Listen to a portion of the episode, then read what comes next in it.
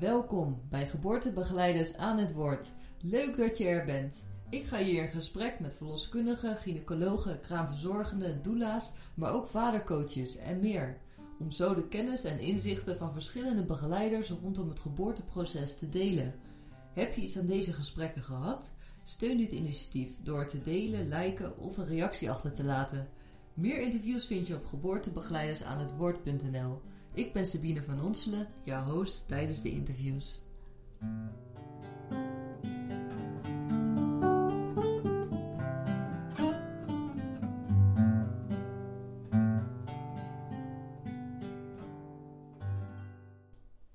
Vandaag wil ik jullie voorstellen aan professor Dr. Raymond de Vries.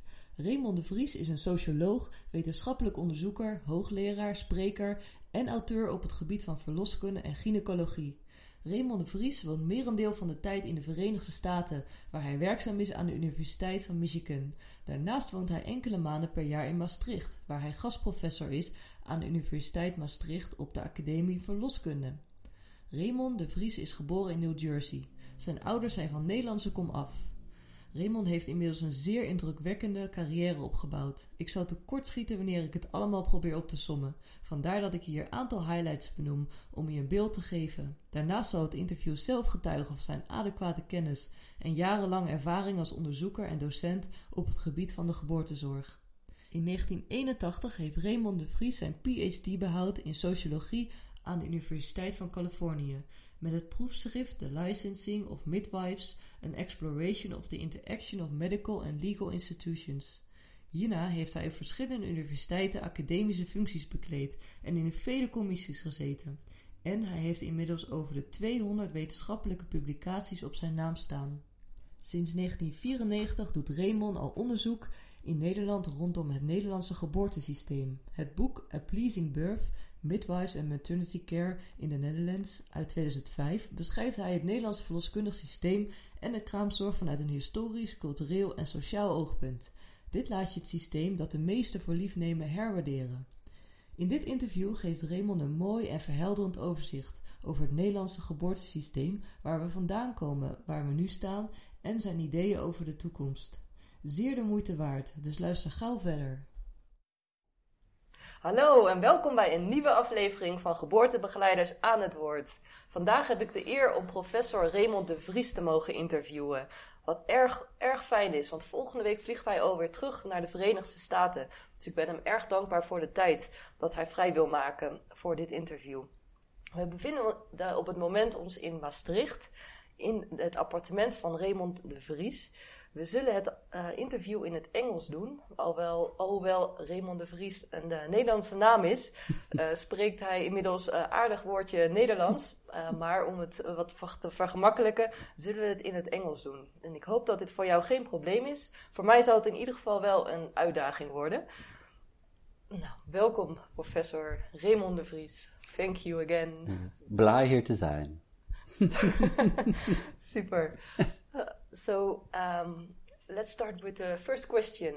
How did you become interested in obstetrics and uh, gyne gynecology? gynecology. gynecology, sorry. In Amerikaans, yes. Uh, yeah, that's a very interesting question. It um, it all began when I was a graduate student, and I was uh, studying sociology, studying for my PhD in sociology and I was taking a, a uh, course, a year long course in ethnography, how to do ethnographic research, how to interview people, do observations, those kind of things. And just coincidentally, at the same time, my wife was pregnant with our first child. So she and I were traveling around talking to people about what do you do when you're pregnant? How do you have a baby?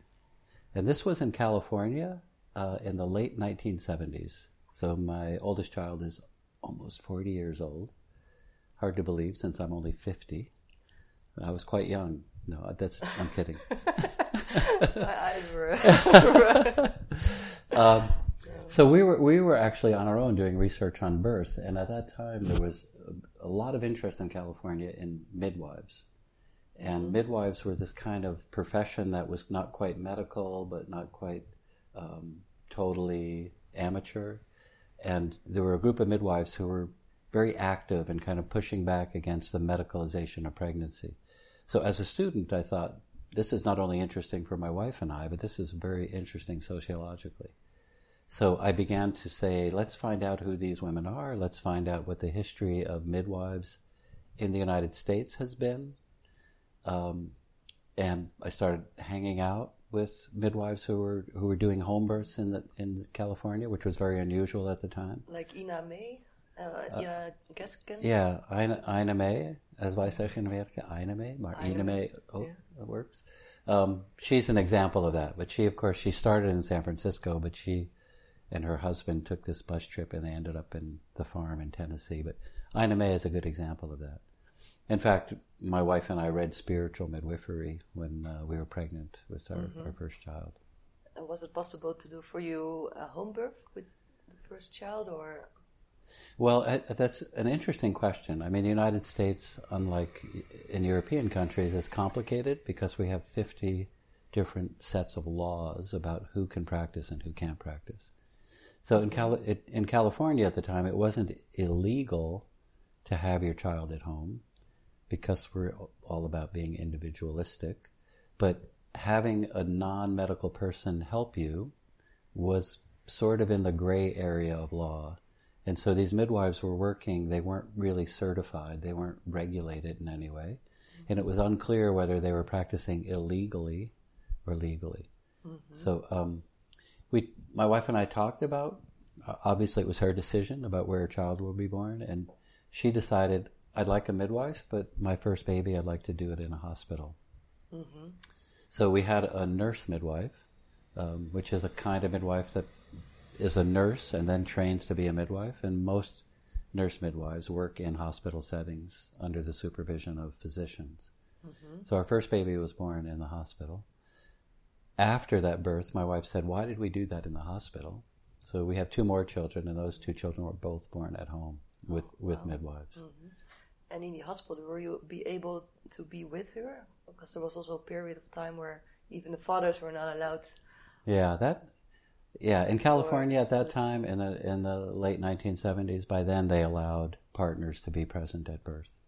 Um, so, and they also, we started our birth in a, um, which, which you in the Netherlands are just starting to do now, but in a birth center that was inside the hospital. It was called a alternative birth center, and it was basically a room in the hospital with comfortable furniture and gordina and to look like home. In the end, uh, we had to move to a delivery room because of certain prolonged labor, which I think, and my wife would say the same, that being in a hospital is kind of frightening and there's all sorts of things going on that you don't really understand. Um, but in, everything turned out fine in the end, and it was quite simple, and we thought, why should we do this? Did your uh, point of view on birth change after the experiences uh, at home, like which which you had, like before and after? Was there? Well, I, I, I had been- when I started to do my research, I was concerned about the medicalization of birth. That this is a normal life experience. Why are we having all these medical interventions? And as you may know, and your listeners may know, we we have nearly one in three babies is born by surgery by cesarean section. Mm-hmm. That's it's a, a lot. Yeah. Yeah. So, and we, most women have epidurals and episiotomies aren't so common, but so I was concerned about that sort of from a point of view of, of a researcher. You know, why are we doing this so much? So having the experience of being in the hospital and being at home from the point of view of a father was also quite interesting because um, when you go to a hospital, your wife's in labor, clearly you're going to be the one who gets her to the hospital and there's some concern and are we going to get there too late or too early? Do we have everything we need? Compared to the second birth which was at home with non-nurse midwives um, it was so easy for a father. It's like oh call the midwife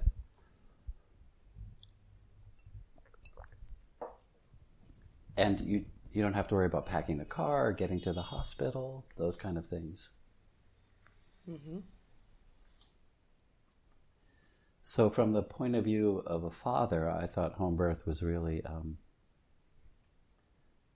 ideal because of all the stories about dads being worried and being incompetent, and being at home. It was just so easy, um, and it was so, yeah. And even though at the time I didn't have the the word available to me, it, it really felt gezellig to be home in your own house. The midwives came over, they made tea. We worked together with my wife in labor. Our our son was born on the uh, fold out couch in the living room in, in our little house, and it was just uh, it was a great experience. Unlike the hospital where it was kind of strange, and after my daughter was born, I had to go home, and my wife stayed, and um, Mm-hmm. it just it just seemed more oriented towards the family. So, uh, stressful in a way. yeah, yeah. Uh, if, if it's not that familiar to uh, have a home birth, as, as you said you were researching, but uh, somewhere they, that you had to know that it was possible to have a home birth. Was there like someone in the in your uh, f- friends or family who did this as well, or were you like a pioneer on this area, Yeah, well, I wouldn't call myself a pioneer, but yeah, it wasn't like a parent uh, pioneer? the um, yeah, it wasn't normal, and still uh, today there are fewer than one percent of all births in the United States happen at home. Um, fewer than one percent happen outside of the hospital, but some of those are accidental births. So it's about six tenths or seven tenths of one percent are births at home that actual people wanted to do. So it isn't it isn't easy. I mean, if you're a woman and you're pregnant in America, the normal path is just to call up your gynecologist. We say obstetrician and make an appointment and then just carry on from there. So I find it very odd, especially after working in the Netherlands for a while, that you can call up a specialist um, and immediately get care from a specialist. I also find it odd that you know we use a specialist for midwives in the United States do about ten or eleven percent of all the births. So obstetricians and other doctors do almost ninety percent.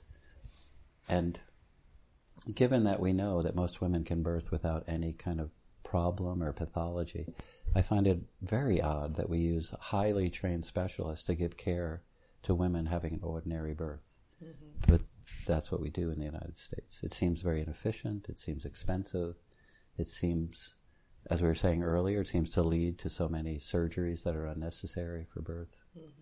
So, um, yeah. So by experience by yourself and uh, with your wife that it was possible and it was not that difficult, you you get on track on uh, yeah on, on knowing more about this and Yeah, and you have to do a little research. I mean, if you want to have a home birth, it's not immediately apparent how you do that. So, in the 70s and 80s, when my children were born, a typical way to find a midwife would be to go to a health food store.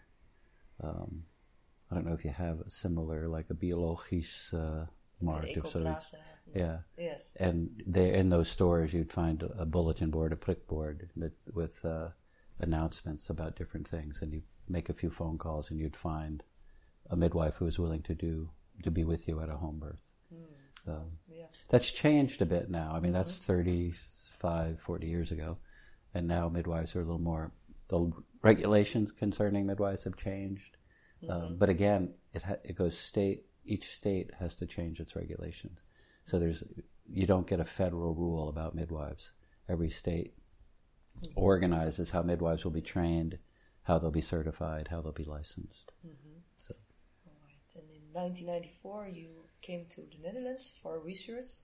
This was the first time you get to know uh, about the system over here. And yeah, could you tell me the the story?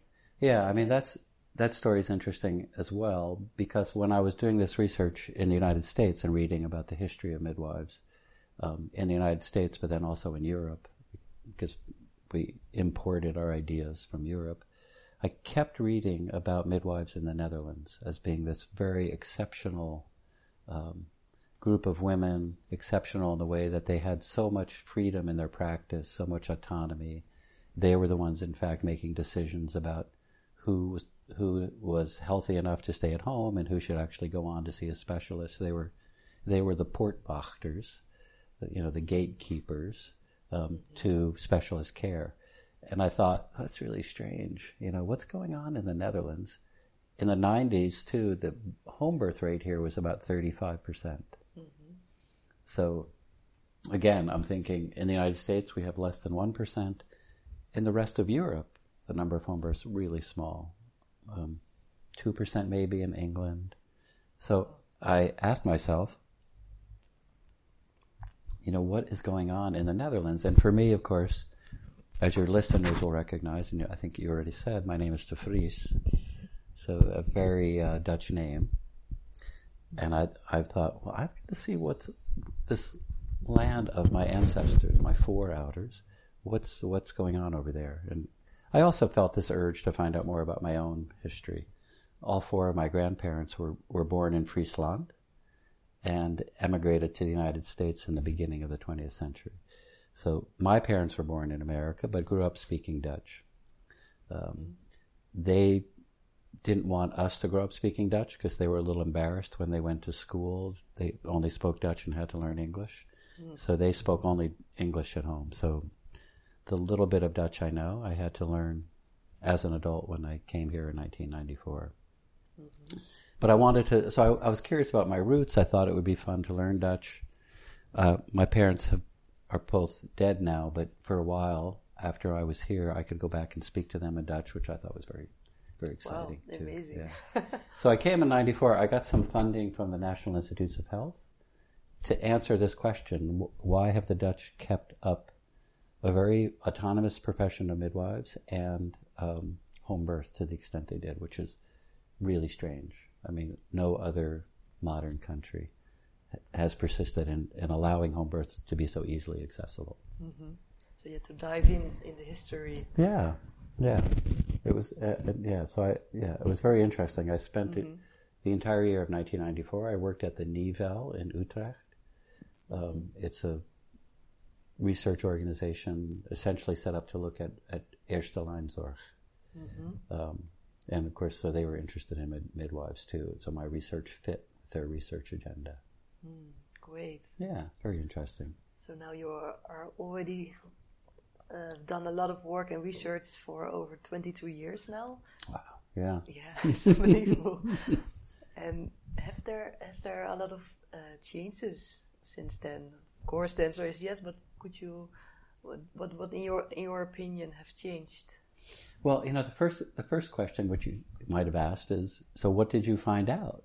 Why did why did yes. the Netherlands keep this system? Because it is it's it's it is strange in the world, and it's a question that has less to do with medicine and more to do with culture and social organization. Mm-hmm. So so when I came, I mean my my first task was to find out what's going on in the Netherlands. Why did they keep this way of, of delivering maternity care? And, you know, at first, so I spent a few months learning Dutch so I could interview people in Dutch and read Dutch documents because a lot of the history is obviously only written in Dutch. And what you discover is, oh, I see, the, the Dutch have this system, and it's changed a little now, but the Dutch have this system of the way they pay for, for maternity care that encourages the use of midwives.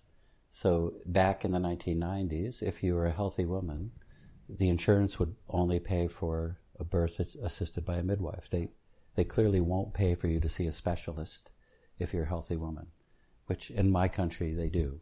So so you have an insurance system that says if you're healthy, you you will be given care by a midwife, and maybe by a by a huisarts, by a general practitioner, but if there's a midwife and huisarts in the same town, the midwife has the preference, so you have to see her.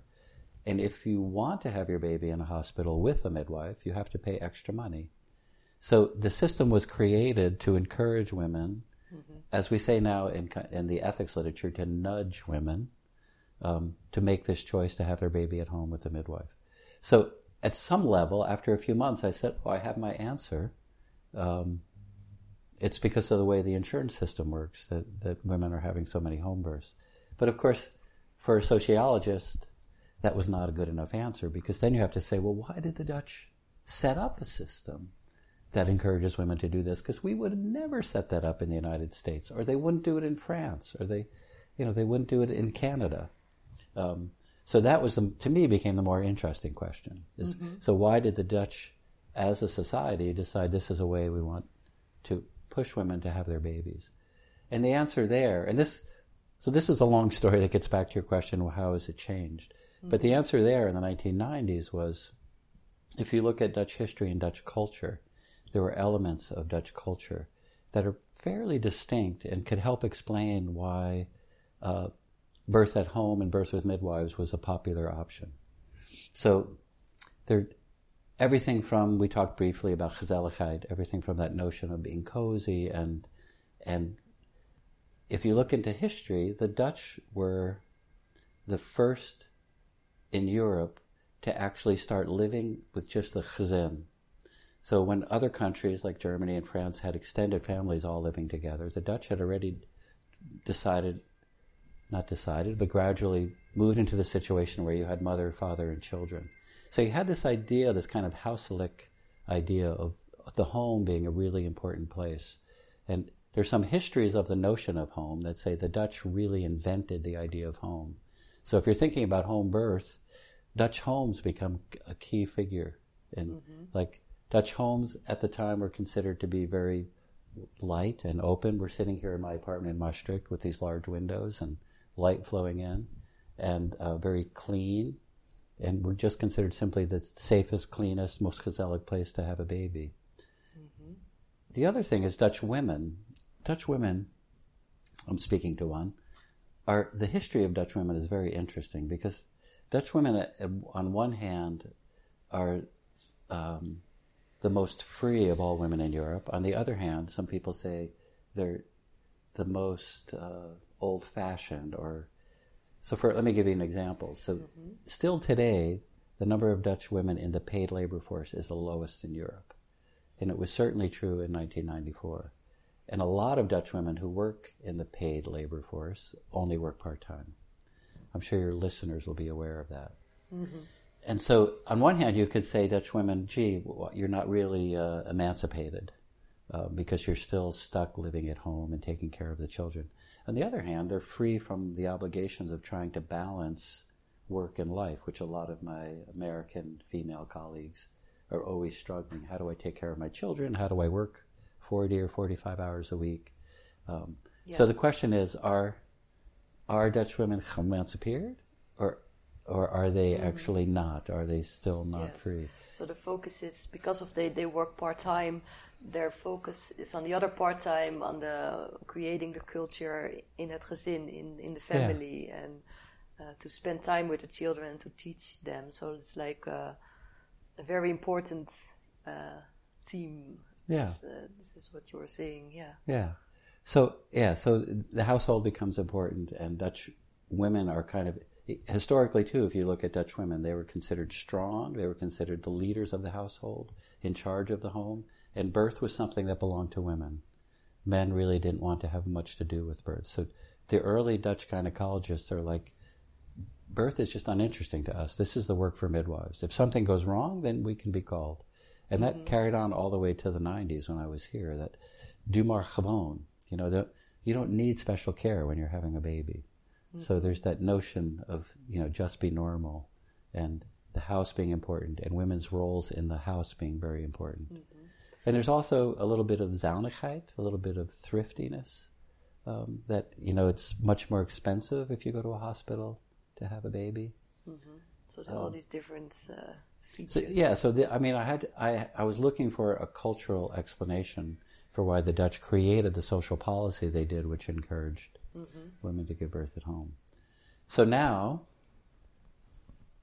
and you can interrupt me with a question anytime you yeah, want. Yeah, well, I, I, would like uh, to, to tell the listeners that if you're interested in this topic, uh, you wrote a, a, great book about it, A Pleasing Birth, where you describe this in uh, in detail and the social, the, the, social, the cultural, and the historical um, reason why we have the system as we have it now from 2005. Uh, yes. It's uh, really interesting, and there's a lot more to say about it. And, yeah, thanks. And, and I think also for your listeners who are savvy with using the internet, you can find the book online somewhere for free. Oh wow! So you can yeah, Google you books. people know more than I. You can find it at uh, BOK or something. You can find the book. Um, Is Which this- uh, I just care that people uh, read it. this is on purpose. You you wanted to uh, to be uh, on open source your book. It's you know I didn't do it. Somebody else has done it, but I'm totally happy that the book is available because it's it can be hard to find. It's now 15, 12. It's it's quite old. I mean, you know, it's been more than ten years, and so it can be difficult to find in bookstores at bol.com, for example, Yes, yes, it's uh, available. And I was uh, at the symposium uh, earlier this week, and there's uh, where we have met, and you had a really interesting presentation, which is a bit of sociological uh, context around it, and uh, I found it um, very clear and, and, and helpful to think in another way to, to the system. Would you uh, also share the part of the presentation about the from Max Weber, which, Yeah, which okay. you used? Yeah, well, I've been, as as you know and as you can hear, I've been very interested in the Dutch system since the 1990s, and I've been watching it change, and um, the changes that have occurred. So in, in 1994, when I came, the home birth rate was about 32 percent, um, and today, depending on who you talk to, and the latest numbers we have are from 2015, it's about 13 percent. So, so it becomes again an interesting sociological question what's happening in Dutch society to change this. The insurance policy has not changed really, although some insurance companies no longer ask for um, women to pay extra to go have their baby in hospital. But that was a matter of like 300 euros or something. It's, I don't think that was really enough to discourage people. So the question becomes, you know, what, why, is, why is the system changing? And um, if you actually think about some of the things I said earlier, Dutch culture is changing, and the way Dutch women look at birth is changing. Um, and more and more Dutch women are in paid labor, and now the idea of being huiselijk is changing a bit. And so having your birth organized and having your birth in a polyclinic, it just seems much easier for the life of a working woman than you know trying to organize your home and having everything happen at home. So the other factor that Sabina is referring to is I've been interested in the role of um, the caregivers themselves and how they think about where birth is happening and how it's happening. And when I first uh, arrived here, there there was a very strong presence of the Amsterdam School um, under the direction of a gynecologist named Dr. Kloosterman, Jan uh, Gerrit Jan Kloosterman, and he was um, trained by another doctor named De Snoo and they really were advocates for keeping birth normal, for emphasizing physiological birth, and they really argued, as the rest of the world was moving to birth in the hospital, they argued to keep this system. So it occurred to me that I could use some concepts from a, a German sociologist that many of you may have heard of, named Max Weber, who did a study of What's sociology of religion. Mm-hmm. And he talked about the difference between priests and prophets. And it occurred to me that this idea of priests and prophets also applied to what we're seeing going on in, in uh, Dutch maternity care. And back when I arrived in the 1990s, the priests of the system, and this is using Weber's terms, were people who were responsible to maintain the system and to protect the system and to promote the system. So we had these priests who were saying, look, the Dutch have always done it this way. They've always emphasized physiological birth and we need to protect this. And Kloosterman was in a position of political power, so he could make that happen. On the other hand, you have prophets, and again, if you think about religion, prophets are those people who say to people, hey, there's a better way to do this. There's something we ought to be more concerned about. And in the 1990s, the prophets were people saying, there's new technology, and we could use electronic fetal monitoring, we have all this, all these technologies that we can use to make birth safer. And that these prophets were arguing against the priests of Kloosterman in the Amsterdam school, saying, you know, we need to change what we're doing. Gradually over time, the, shi the system shifted, and that's what I find interesting. And now, the, the role of priest and prophet is completely flipped. So now, the priests have become more dominant now that 90% of births, 88% of births are happening in hospitals. They're now the priests saying, we need to protect hospital birth. Hospital birth is the safe place to give birth. And the prophets are the ones saying, remember the value of physiological birth? And prophets are now the other side, mostly midwives and others, saying to women and saying to Dutch policymakers, we can't forget the value of physiological birth, and we're losing that. We've lost our way. We need to be called back to the traditions of Dutch birth. And so you're, you're seeing this kind of flip that's occurred from from Mm-hmm. originally the priests who kind of dominated and allowed physiological birth to continue well into the 1990s. Mm-hmm. But since the early 2000s, hospital birth has become the system that's worth protecting. Yes. And the prophets are now more marginal, saying we can't lose the value of physiological birth. So you, it's also like the medicalization started around the maybe 2000 when the technology also rises up. And do you think that medicalization and fear comes together, or is it like separate? Well, yeah, fear. I would talk about fear in terms of risk, actually. Um, you know, we live in a world now that um, is characterized by our concern with risks. So, um, again, when I first appeared here in the in the '90s, and when I started reading about Dutch births in the '80s, there wasn't this concern with minimizing risk. Um, and now I think people think about birth as an inherently risky event. And earlier in the Dutch system, it was considered gewoon. And yeah, things happened, but but it was a result of fate. And I mean, you did what you could to stay healthy, but you weren't trying to minimize all your risks. And now, I think women and caregivers see birth as a very risky event. And um, a couple examples of that. One one from literature and one from from Dutch maternity care. A colleague and I in the United States used um, Google has this interesting thing called an N-gram, where you can look at the use of certain words across time. So as you know, Google has this vast library of literature and books, and you can ask Google, tell me how often this word appeared in the literature in as far back as the 1890s all the way up until 2015. So you can see what kind of words were in common use. So a colleague and I, this is in English, um, looked at Google Library in English from 1890 until 2010, I think. We said, how how often is the word fate used? You know, this stuff happens to you. It's fate. It's fated. Um, and then we also said, how often does the word is the, the word risk used? And what you find if as you move through history is fate gradually becomes a word that's not used, and risk becomes a word that's used more. So people are moving from the idea things happen to people to things are risky, and we can, if it's a risk, we can control it. We can try to minimize risk.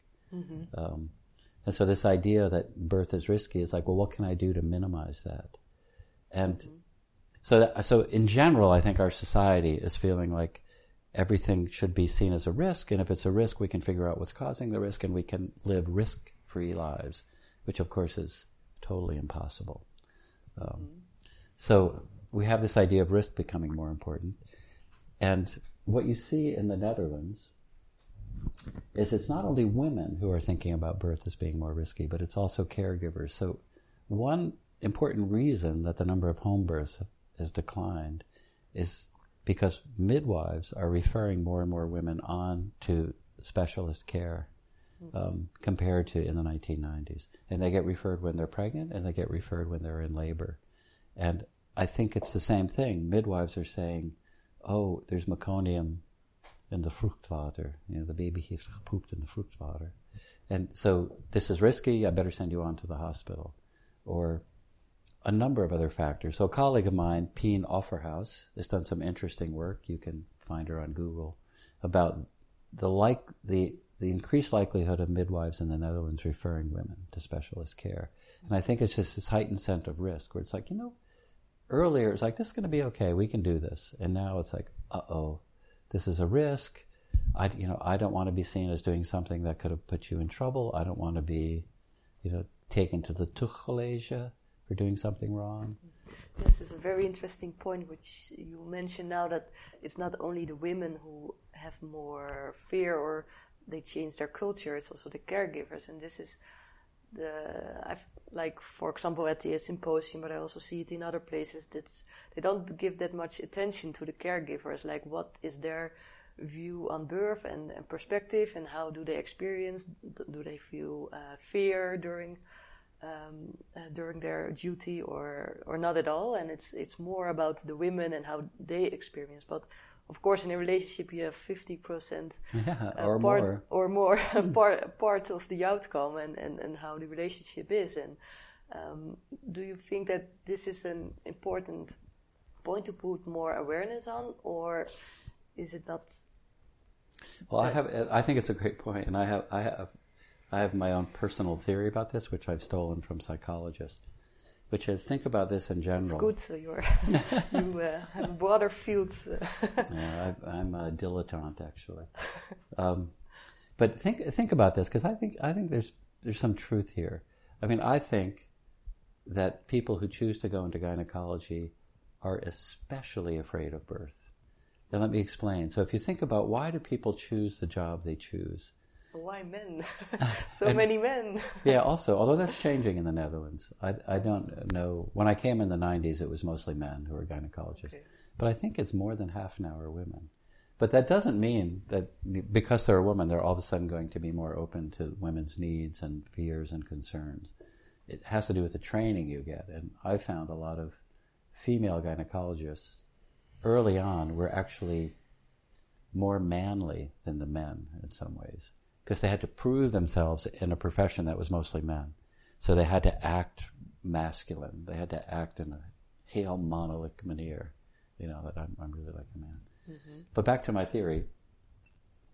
If you think about um, why people choose the professions they choose, so just think about doctors in general. I would say, compared to the general population, people who choose to become physicians are more afraid of illness and death than a normal person. So they choose to go in a profession where they can exert control over illness and death.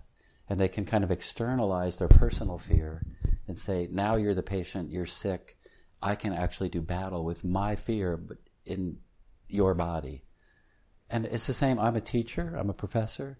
And I think professors are afraid of ignorance.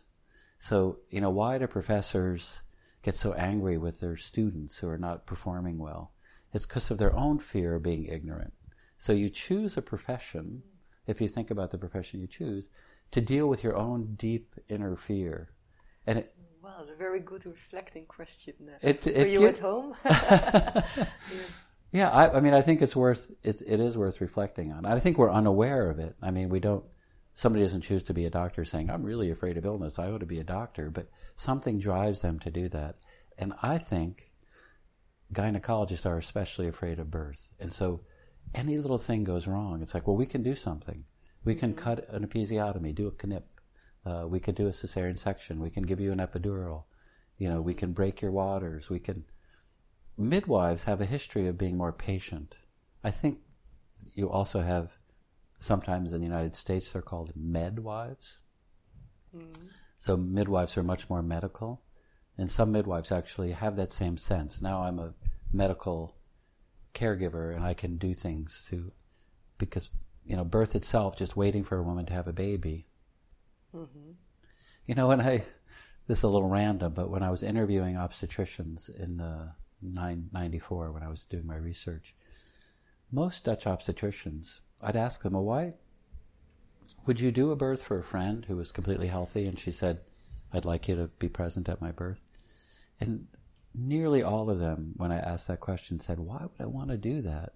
Because a healthy woman having a healthy birth is so boring. Because there's nothing to do, and I'm trained to do things. And I fear that's kind of changing. I mean, I fear that um, in the Netherlands now, Dutch gynecologists are also thinking birth is risky, um, yes, I need to see every woman because who knows what could go wrong, and I'm here and I have all my tools and I I can do something about it. Mm-hmm. It's a very interesting point of view, and and what, which I would like to add what I've also heard in an. Uh, uh, which is uh, related to what you were saying that you are choosing, um, yeah, your your job by the inner fears you have, but that could also be that the, the thing you have missed in your life, in your early life, and you want you, which you would like to heal or place back in in this sense. Yeah. So I think there's like also on the other side of the coin um, a way to to be uh, grow as a person as well, and which which I I talked to one uh, uh, uh, kind of oh, I found this Gynecologist? I have practiced this word so many times Gynecology. gynecologist and it was very interesting what he said like uh, lately the culture is changing in the way um, that you that of course you have a patient and you have a doctor and before it was just the doctor who were telling you uh, what you should do and etc just sending the information and now we're getting more uh, aware of like the patient have information by themselves and um, and to, to be more interactive in, in this sense uh, of way. So it's like the yeah the typical doctor uh, authority is also changing in this way, and um, which I found very interesting. You have uh, also interviewed an, a gynecologist um, about heroes, like uh, Oh, yeah. do you, which is on the in the book uh, Yeah. Birth Models at Work. Um, uh, do you find yourself a hero, or do you experience yourself as a hero? And this is a this is a different way they uh, d- doctors perceive themselves, gynecologists in in in Holland, um, when they attend a birth. So, yeah, what is Yeah, your no, point of view on this uh, Yeah, part, like this changing culture? In Yeah, which is another feature of Dutch culture. But let me so uh, let me say this: that idea that you choose a profession that speaks to your deepest fear. I don't mean that necessarily has to be a bad thing, because you can respond to that in two ways. Sorry, I, is- maybe I, I put it in this sense. No, uh, yeah, I think you added. No, you added to what I said. I just want to underscore Yes, what you said, yes. which is that you could respond to it by you know being very aggressive and uh, which is the way I emphasize. But you can also respond to it by saying, "I need to learn more about this. I need to develop myself. I need to overcome my fear by, you know, letting students learn at their own pace, or letting women have babies at their own pace, or." And I, I do so back to the thing about heroes, which is another feature of Dutch culture that I, I found interesting, and I'm not sure it's in that book or another, but you know if you folks who live in the Netherlands and travel in Europe might notice this, but what a striking thing for somebody coming to Europe and paying attention is that in the Netherlands there are very few heroic monuments. I mean, think about France, right? Which with the Arc de Triomphe and all these celebrations of military heroes, or the Bra- the Brandenburg Gate in Berlin. I mean, in London, Trafalgar Square. I mean, all these other countries have these celebrations of their heroes. But in the Netherlands, think about it. There are very few, if any, of those. I mean, what I like to say is one of the most um, visited statues in the Netherlands is the one of Anne Frank, which yeah. which is about one meter high. Humble, yeah. yeah, and you know, sitting outside of the Westerkerk of of uh, Het Jongetje. Also, I mean, these are the monuments. So, I mean, I have this notion. It may not be correct that in, heroism is not such a big part of Dutch culture, and in my interviews with gynecologists, that came up spontaneously. They'd say, "We're not the heroes. We don't want to be the heroes of birth because being a hero takes away from the parents." Um, whereas in the United States, said. Yes. uh, gynecologists see themselves as heroes. It's like, United you know, I come yeah. rushing in. Everybody was in danger. I did a cesarean section. I saved the baby. Um, there's much more heroic obstetrics in the U.S. than than Mm-hmm. here. Um, although again, I think that may be changing. It may be. I haven't interviewed gynecologists. Uh, I've been working here, but I've been mostly working with midwives, so I haven't Mm-hmm. really. I talk to gynecologists, but I haven't really done research on their changing attitudes. Yeah, so back to the question 30 minutes ago. Sorry. no, no, it's also, uh, I, I, uh, I took another path uh, in questioning. Um, like, so you already said, like, uh, the situation 23 years ago, uh, how you perceived the, the, the Dutch um midwifery system. And the question by them uh, was then like what have changed and like if you look around now and what what are your thoughts about it uh, we already said some some things about it but could you tell us more about your insights in research Well, I think, I mean, there are um, a couple of things, and if you give me more time, I could think of even more. But uh, so I think, uh, what do I think? I mean, I think the caregivers have changed, and I think women have changed. I mean, that's that to me is is most interesting. So, if you start with gynecologists, um, when I came in '94, gynecologists really saw themselves as champions of midwives, and proud of the Dutch system. But um, again, there was kind of a tension within gynecologists even in the 90s. There were some gynecologists who felt the Dutch system was embarrassing and felt like when they traveled abroad, they were asked, "Why you have 30% of your births at home? What's what's wrong with you?" Um, mm-hmm. That's really ouderwets. That's so old-fashioned. Um, so, so gynecologists have become more competitors and less champions of midwives in the Netherlands. That's one. So midwives, and I should just add a note here.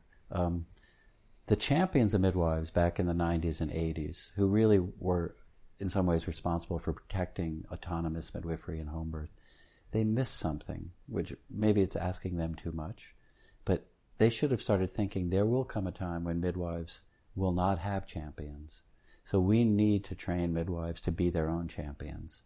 But for so long, these gynecologists protected their midwives and the system, and they they had the ear of the government and the verzekeraars, and so everything was fine as long as they were there. But when that group of gynecologists retired or died, a younger group came in who are now competitors of midwives, and midwives are unprepared to be their own champions. Um, they're strong women in their own practices, but politically, they just don't have the tools they need. They don't have the connections in the Hague they need, um, and that that those people who cared about midwives in the 80s and 90s should have been thinking someday they're going to need all these tools to protect themselves, and they didn't. So midwives now are kind of left defenseless and trying to find their way and trying to defend themselves. But also, I find midwives it's kind of a there's a lot of interaction going on, but I find midwives are becoming less strong about their protection of physiological birth. As I said, my colleague uh, Pien Offerhaus has done this work showing midwives are referring. She has a nice graph showing the number of referrals from the first line to the second line. And over the last 15 years, it's really increased a lot. And the question is, are Dutch women sicker?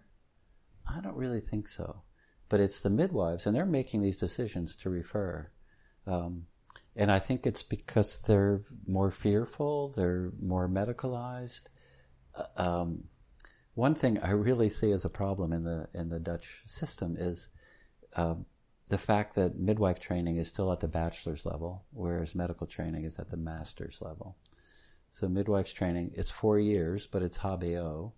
It's not university training. So midwives will start their training at 18, 19. They'll be done when they're 22 or 23 and out in practice. And they're then going to be, you know, having women that they're caring for together with obstetricians who are going to be after their medical education and practice. Um, they're going to be 32, 33. And so now you have a 23 year old woman, typically, there are very few men, there are some, but very few, mm-hmm. discussing a case with a 35 year old obstetrician. And they're just not on the same level. Mm-hmm. And it's age, it's sometimes gender, but there are, as I said, there are more women who are gynecologists. So, so midwives are, are actually um, not as strong as they used to be. Um, mm-hmm. And I think I just saw a report from the Nivel, the average age of midwives is getting younger. So, you know, you're seeing the older midwives who have a lot of experience and they can stand up to a gynecologist and say, we don't need to do this now. But a young midwife is, is less able to do that. And then women's attitudes are changing too. I mean, I, I, um, what I see in the media and when I talk to women, I mean, home birth is seen as uh, middle age, you know, middle age practice. It's ouderwets. Uh, why, you know, why should we be having our babies at home? We don't the, the, so many times they make the kind of ridiculous, we don't have surgery at home, why should we have our babies at home? Or we don't have our teeth pulled without pijnstilling, why should we have a baby without pijnstilling? Mm-hmm. But those are really bad analogies. Mm-hmm. Um, one, having a baby isn't a sickness. So it's not like surgery. Two, pain in labor is actually useful pain in a way that pain in your teeth is not a useful pain. I mean, mm-hmm. that indicates disease and something has to be done. But pain in labor actually encourages a woman to move, to change position. And when you give a woman an epidural, I mean, my American colleagues who have had babies with epidural say, it's great. I just lay in bed. I watch television while I'm in labor. I don't feel a thing. But all of a sudden then, you know, they need to have their bistimulation because mm-hmm. the baby is just, they're just laying there. And when you have labor pains, it makes you change position. It makes you get up. It makes you walk. You kneel, you bend, you lean over.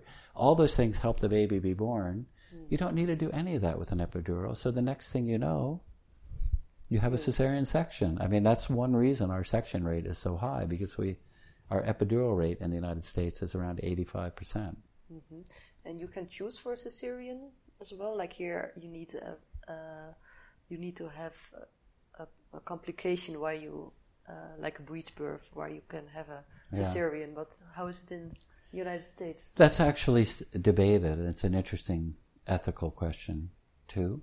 Um, the American Association of Gynecologists um, has put out a guideline saying um, women should have the right to decide how they have their baby, and but if a woman says I'd like to have a cesarean section, um, you need to make it clear to her what the complications are, and you need to be convinced that she has a, a good reason for it. So r- rather than just oh, you know, I'd like to have my cesarean scheduled on July 15th because that's when my vacation is from work or something. Yeah. That is not a good enough reason. But women who have extreme fear of childbirth or some other reasons. But mm-hmm. there are still there are some gynecologists in the US if a woman says, "Hey, I don't want to go through labor. Let's just have a cesarean." That mm-hmm. they I mean there is no again, there is no federal government regulation. It's up to each individual gynecologist. Mm-hmm. There's no state regulations either. And uh, in Holland there uh, there will be new changes. Het integrale geboortesysteem uh, will be implemented, or it's already happening.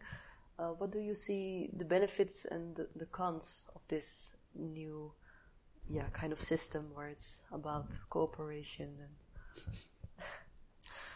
yeah, I'm I'm uh, I'm scrunching up my face right now because I'm really concerned about that.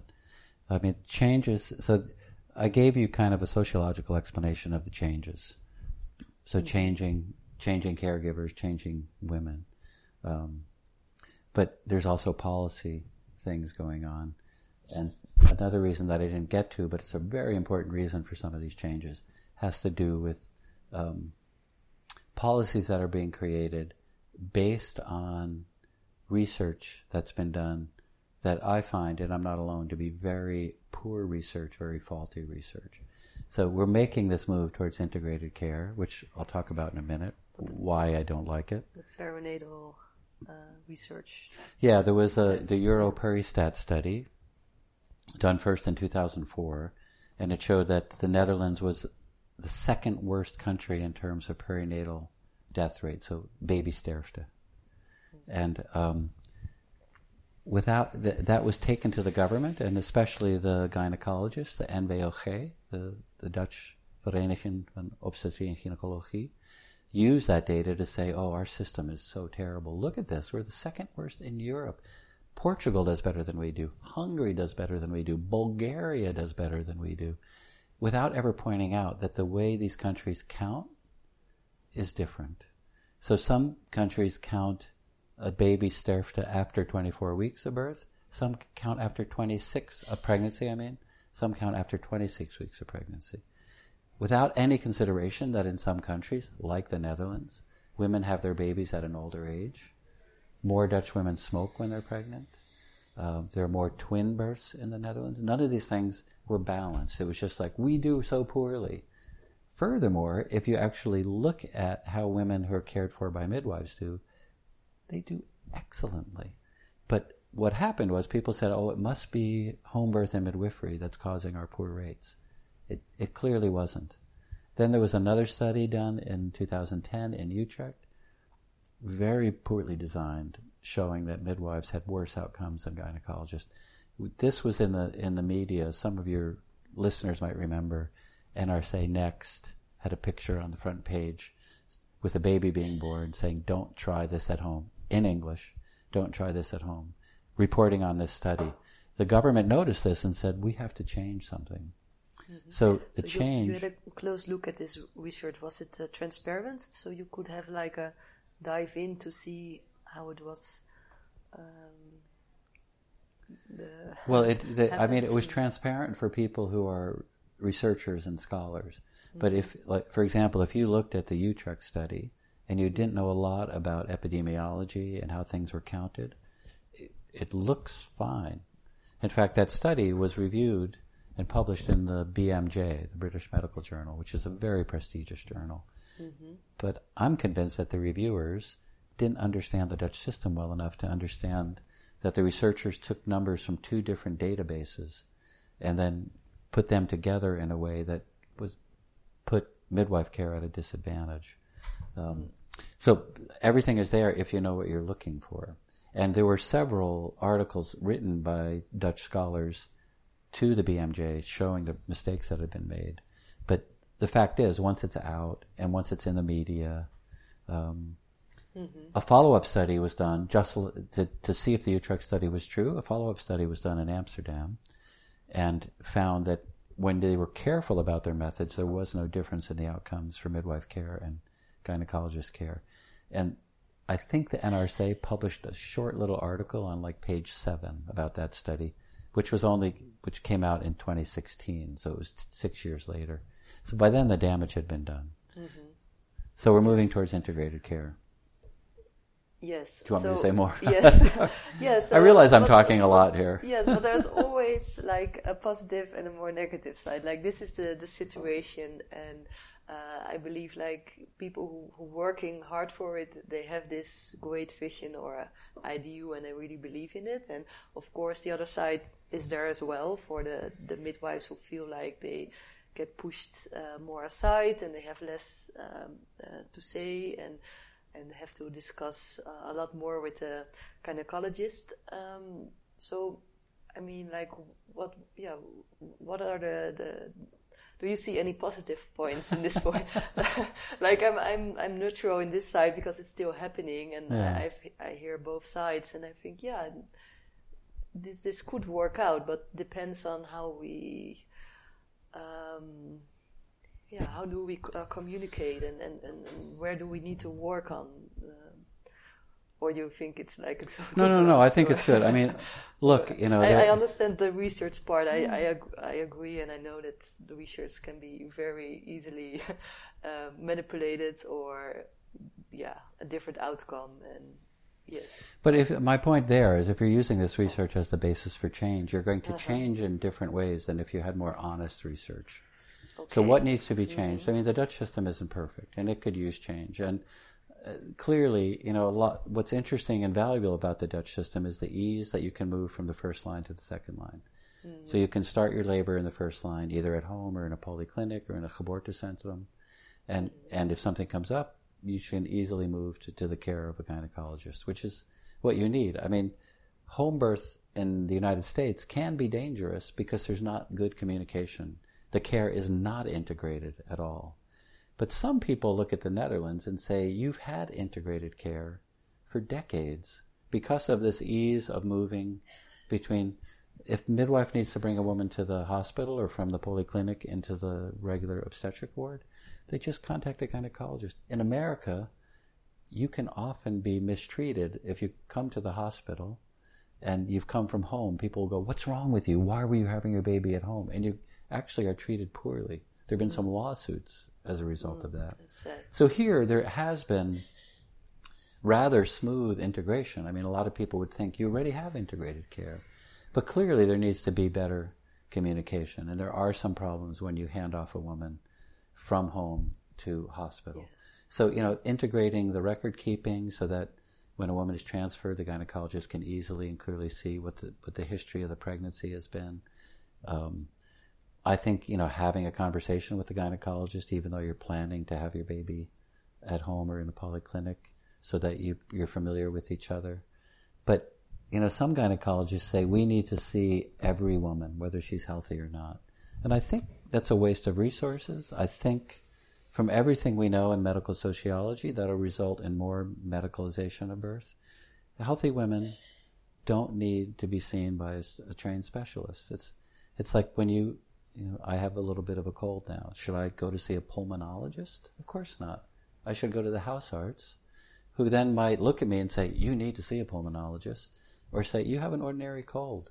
So I, I think the idea of some, not all, Dutch gynecologists that integrated care means I see every woman who's pregnant. I mean, that to me would be a verspilling van geld and a waste of valuable time of a specialist. And mm-hmm. um, so, but I, there are models of integrated care that I think are working quite well in the Netherlands. Easy communication, respect for the first line, those kind mm-hmm. of things. Yeah, so it depends on the hospital, on the region, the province. Yeah. You think it's like depends how it's working out. So you. I'll tell you what I worry about though too is, um, you know, there there. There's a move. well, it's no. It does depend on the hospital and the local conditions, and there's a move to say guidelines for maternity care, which used to be handled centrally and be applied across the entire Netherlands, should now be done in the VSV's, uh, the Verloskundige Samenwerkingsverband. So mm. every region has one of these VSV's. Um, and now the idea is you should make the guidelines. And for some of the reasons I mentioned before, this is why studying sociology is so valuable. Mm. When midwives, let's say in uh, Drenthe, had the national guidelines, when they met with gynecologists, they could say, look, these are the guidelines coming from The Hague or coming from our professional association. And that's what we should do here in Drenthe. Now, the midwives are one on one, where a gynecologist says, you know what, I think if a woman is obese, above a BMI of above 30, she can't give birth at home. Well, there used to be national guideline that said a BMI of 34 or higher, you have to be in a hospital. 30. Now, each region can make its own guidelines. And again, unfortunately, midwives are often not strong enough without the national guidelines to say to the gynecologist in the VSV, no, that's not right. We think it should be 34. So what happens is with this decentralization, midwives are losing power. Now, in some VSVs, midwives are really strong. Nijmegen is a great example. And they argue well. Mm-hmm. But in other areas, midwives are like, okay, well, I guess if the gynecologist said it, uh, that's what we ought to do. Mm-hmm. And physiological birth loses in that. Yeah, so one of the main reasons uh, which we're worrying, worrying about is the, po- uh, the power struggle and um, the empowering of the midwives. Uh, another way, what do you think about the capitalism? Like America is very capitalistic driven. Is this also getting more the case in the Netherlands, and is that also can be of a threat to home birth and? I want to ask you what you think. Do you think capitalism could alter the way? I mean, you you have a capitalistic society here yeah, but it's also um, it's not not totally. It's like partly, and um, but the the hospitals getting um, they are like getting more private, so they right. need to fancy their hospitals more and get the more expensive um, uh, instruments, for right. example, and this gets people out uh, away, or they get um, attracted to this hospital because they has they have this uh, instrument. So, in in this sense, there is a capitalistic way, but this could also be in um, positive. So you can get the best instruments, for example, because uh, this is the marked working uh, way. and no, I see that, but I mean, of course, I fear that um, you know market working the idea is to maximize your income and your profit, not to maximize the health of women. So you do what actually brings you the most. I mean, there's some idea, and Americans have this idea, and I think it's wrong, that if you provide the best care for the best price, you'll get the most people coming to you. But uh, results, yes. Yeah, but I don't. I don't think that. Clearly, I don't think that that always happens. I, you know, uh, part of that is back to power. Um, you know, I've admired the Dutch system because of the way they organize the health system with sort of national guidelines, but private insurance. So the private insurance companies are competing with each other, and the idea is that they'll keep their prices low. Mm-hmm. Nevertheless, unlike America, you have national guidelines that say the basispakket has to include these kinds of things. Um, and so it's it's regulated, but it's competitive at the same time, which I, I always thought it was interesting and may work in my country because we could never have the national health system like they do in England. I mean, the second you say that, they go, socialism, socialized care, that will never work in our country. But if you could say, look, we can do this, still have com- competition with some controls. On the other hand, what I've realized being here, and it's back to the who helps the insurance companies set their policies. And, you know, what I've discovered is the gynecologists often are men, have been around for a long time. Their networks include all the key leaders in the insurance companies. So if I want to make sure that something in the ins- competitive insurance world goes in my favor, I invite the CEO of an insurance company to come with me on my boat, and we go for a sail on the Bodensee, and we have drinks and we talk, and hey, midwives mm-hmm. don't have that. So I mean, a cup of tea, but and I mean that's but you know that kind of um, hobnobbing. Ik weet niet it's the Nederlandse word, but you know, getting together with other important people and you know becoming friendly and lobbying them and making yeah. sure they look after your interests.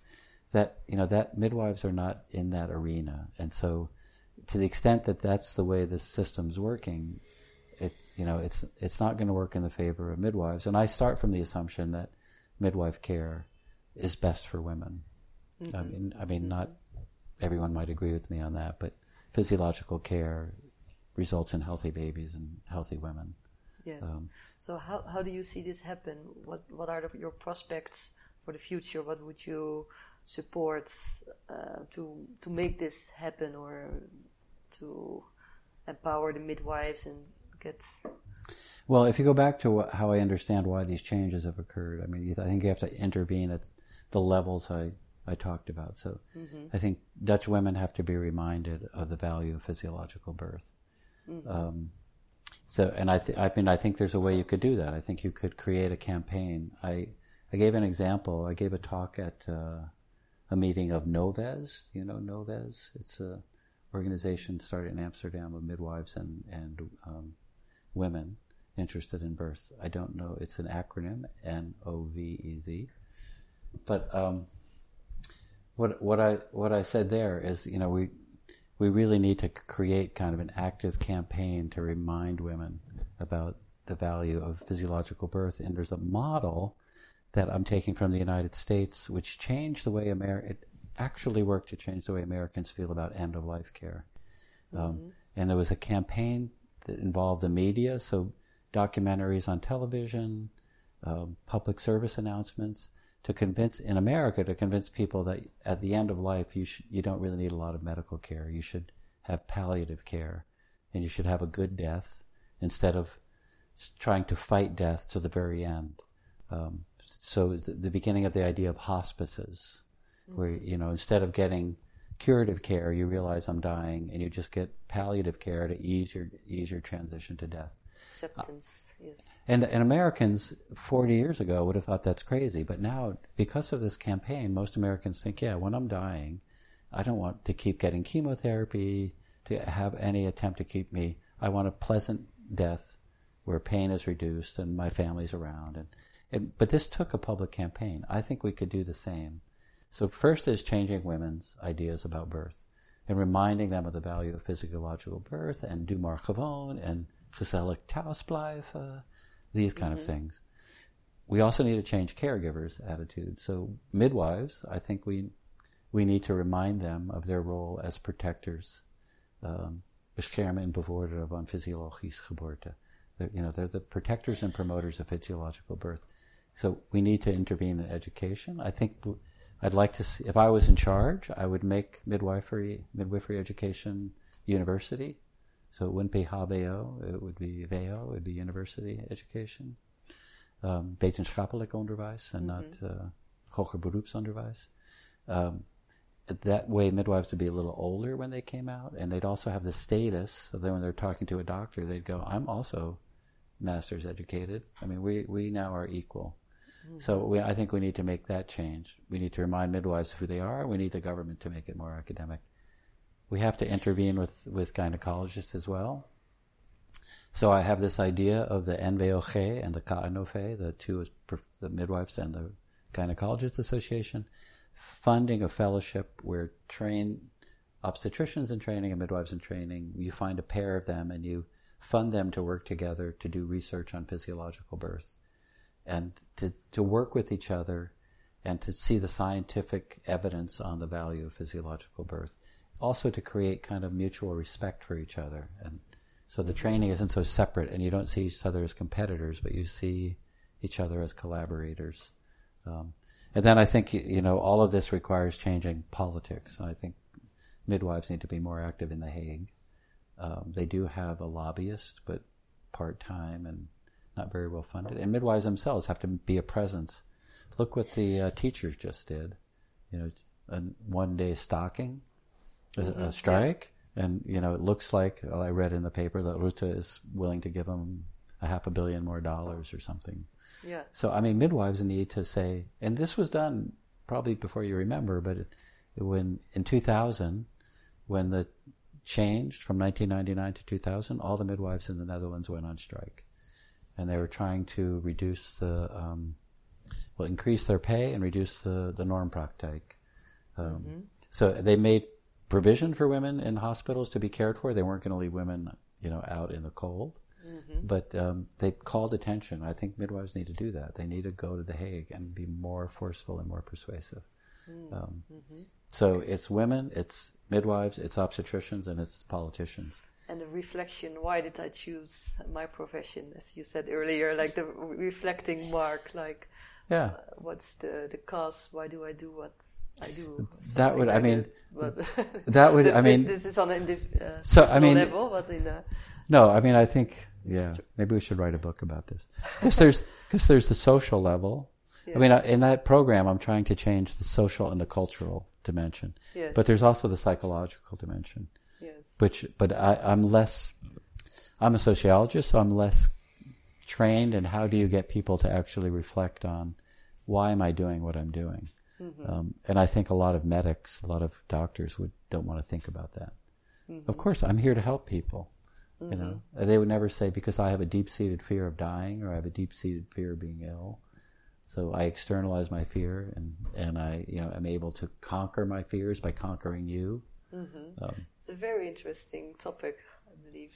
yeah, I to, think so too. To raise up. Uh, actually, I I interviewed one uh, midwife who also do the mid, uh, mindfulness training to caregivers and also to uh, to mothers, but uh, she also extended to caregivers to to know what is happening inside you and to reduce the stress level and in a, also from America a lot of thoughts and ideas come from America.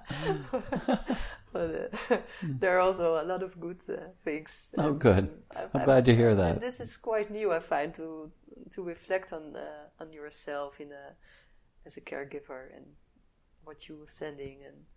Yeah, that's interesting. And for the coming five years, do you have visions or dreams which you would like to manifest manifestate it?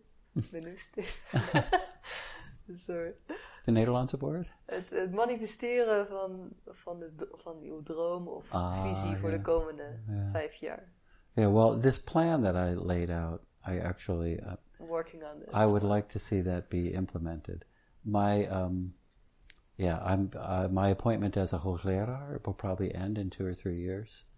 So, um, because, which I think is perfectly fine. I mean, look, it's crazy that you have someone being a hoogleraar midwifery science who's an American and not Dutch, who's a man and not a woman, who's a sociologist and not a midwife. So my position should be filled by a Nederlander, Nederlandse vrouw. That's a verloskundige eigenlijk. And I'm happy to do this, and I'm here because there was no one yet, because midwives are still being trained. So my opvolger is uh, is a Dutch midwife who's a woman. Who will, and I think that's good.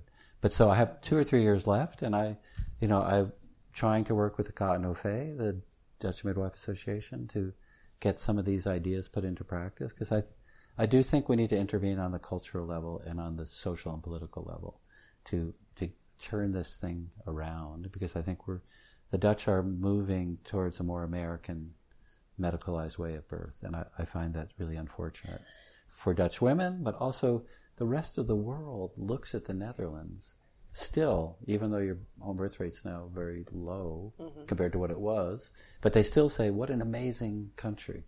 Your midwives are amazing, and you have so much home birth." Because in America, as I said, we have less than one percent, so even ten percent seems like a lot. Mm-hmm. But but you're moving in the wrong direction. Um, so I, I want to try to stop that. The middle way, like the the birth cent- the geboortecentrums, the birth centers is this like better than a hospital but not as good as uh, a home birth? Yeah, I, I, mean, I have mixed feelings. I do think uh, uh, geboortecentrum centrum is a, a, good idea, but I, I do think this is also happening in the United States. And I think in the U.S. it's an effort to use less medical interventions. I think in the Netherlands it's kind of an example of moving from home birth to to more medicalized birth. There's this research that's going to be coming out soon, but we already know the results. Don't don't tell anybody.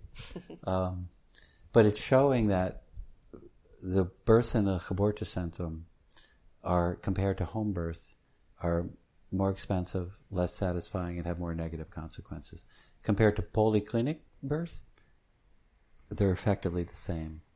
Um, so you know, why should we be moving in this direction towards birth center births when we know that home birth is safer, less costly, and more satisfying for women? Mm-hmm. Um, home sweet home. Yeah. But I, mean, I realize it's not for every woman. So a geboortecentrum might be a compromise to preserve home birth.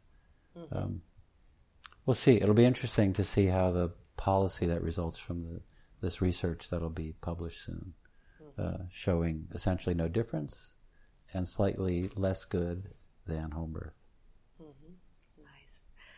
Uh, is there something we haven't covered yet, which you would like to give to the uh, listeners, or say something which you found important, or to summarize your thoughts?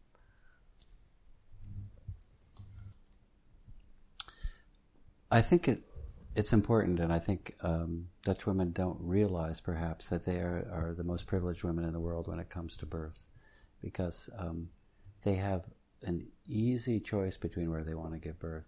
And if home birth gradually disappears, I think that freedom of how and where you give your baby um, will come under pressure and will be challenged. Um, I gave a talk a few years ago where I started with Bob Dylan saying, "You don't know what you've got till it's gone."